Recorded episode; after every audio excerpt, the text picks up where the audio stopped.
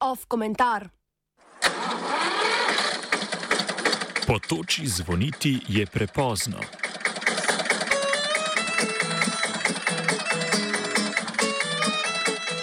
Minuli teden so ljubljanske ulice zasedle kolone traktorjev, v njih pa kmetje, nezadovoljni s po njihovem vedno hujšimi omejitvami kmetovanja.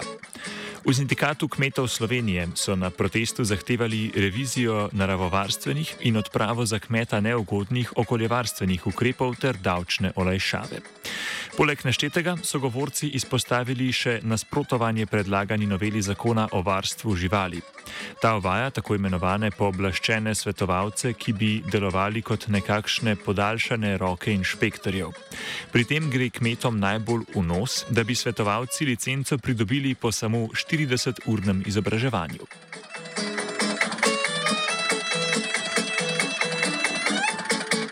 Zahteve za revizijo naravovarstvenih ukrepov se vrtijo predvsem okoli Nature 2000, omrežja posebnih varstvenih območij v državah članicah Evropske unije.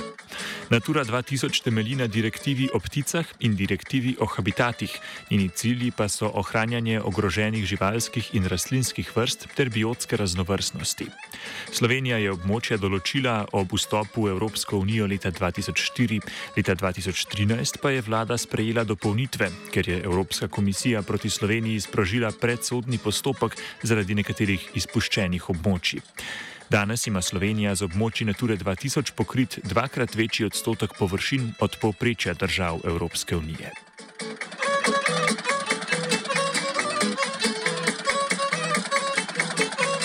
Evropska komisija je leta 2019 Sloveniji poslala uradni opomin zaradi slabšanja stanja travniških vrst metuljev, ptic in habitatov na območjih Nature 2000. Po trenutno še veljavnem sistemu se kmetje lahko prostovoljno odločijo za ohranjanje biotske raznovrstnosti, v zameno pa dobijo sredstva iz Evropskega kmetijskega sklada za razvoj podeželja. Sistem prostovoljstva se je izkazal kot neučinkovit. To je leta 2017, dve leti po začetku izvajanja programa, ugotovilo računsko sodišče v sploh prvem poročilu o učinkovitosti ravnanja z varstvenimi območji.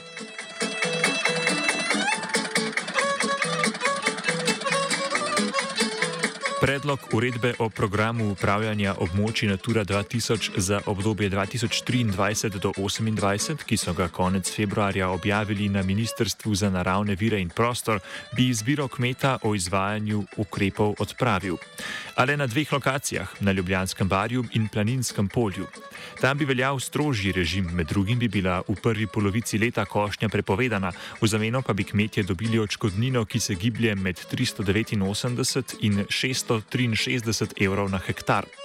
Poleg tega uredba zgolj za 400 hektarjev predvideva širjenje območij okoljsko občutljivega trajnega travinja, površin, ki jih kmetje ne smejo zorati ali spremeniti njihove rabe. Predlagana uredba je kompromis, ki ga je vlada sprejela v pogajanjih z Evropsko komisijo pri sprejemanju strateškega načrta za izvajanje skupne kmetijske politike. Sprejem načrta je Sloveniji zagotovil slabo milijardo in 800 milijonov evrov sredstev za ukrepe kmetijske politike. Predstavniki kmetov so že lanskega oktobra, takoj po koncu pogajanj, zahtevali revizijo.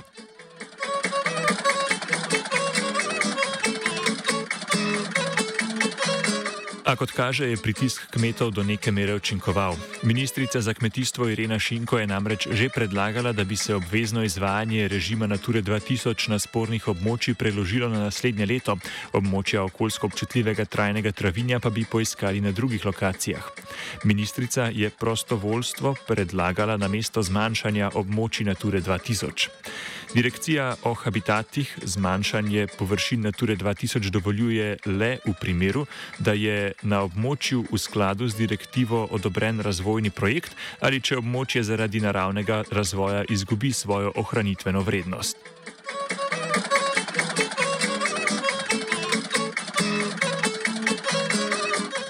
Največjo podporo kmetje oziroma protestniki uživajo na desnem političnem polu.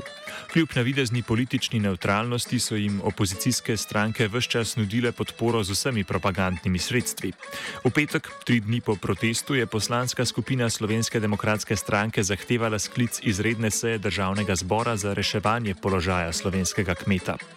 A vsa območja Nature 2000 so risali pretežno v času, ko je vladi predsedovala SDS.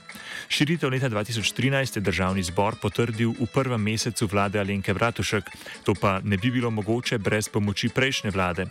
Tedanji kmetijsko-okoljski minister Franz Bogovič iz podeželju naklonjene slovenske ljudske stranke je dopolnitve predstavljal že novembra 2012. Način delovanja stranke SDS pri reševanju nasproti med kmetom in naravovarstvom je tako popolnoma transparenten. Problem, za katerega je kot del preteklih vlad kriva tudi sama, s cenjenim populizmom izkorišča za nabiranje političnih točk pri voljivcih, ki jih v tem primeru predstavljajo kmetje.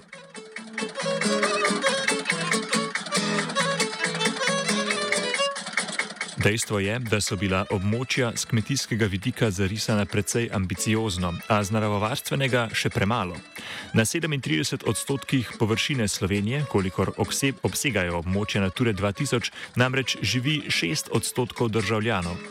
Kako bo vlada ukrepe spremenila do naslednjega leta in ali bo pred morebitnimi novimi protesti naslednje leto spet klonila, še ni znano, saj se bodo pogajanja s kmeti nadaljevala po prvomajskih praznikih.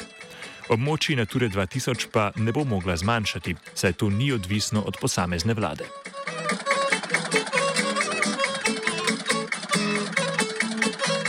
Protestne parole kmetov lahko strnimo kot nasprotovanje preobsežni in nepotrebni birokraciji, ki naj bi varovala naravo, a omejuje svobodo kmetovanja.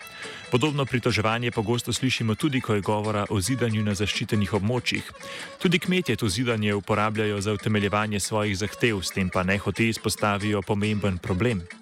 Evropski sistem varstva okolja temelji na celem kupu pogojev in birokracije, a še vedno dopušča dovolj prostora za izjeme, ki jih v neomejeno rast usmerjena ekspanzivna narava kapitalizma, naj gre za kmete ali lakirnice, pridno izkorišča. Naravovarstveniki so v tem boju na isti strani kot kmetje, a kmetje naravovarstvo podpirajo le, dokler gre za nasprotovanje pozidavi kmetijskih zemljišč. Njihova skrb za naravo se ustavi, ko zadane njihovo dejavnost. A za razliko od kmetov, finančnih nadomestil iz sklada za skupne kmetijske politike narava ne more prejeti. Komentiral je Tilan.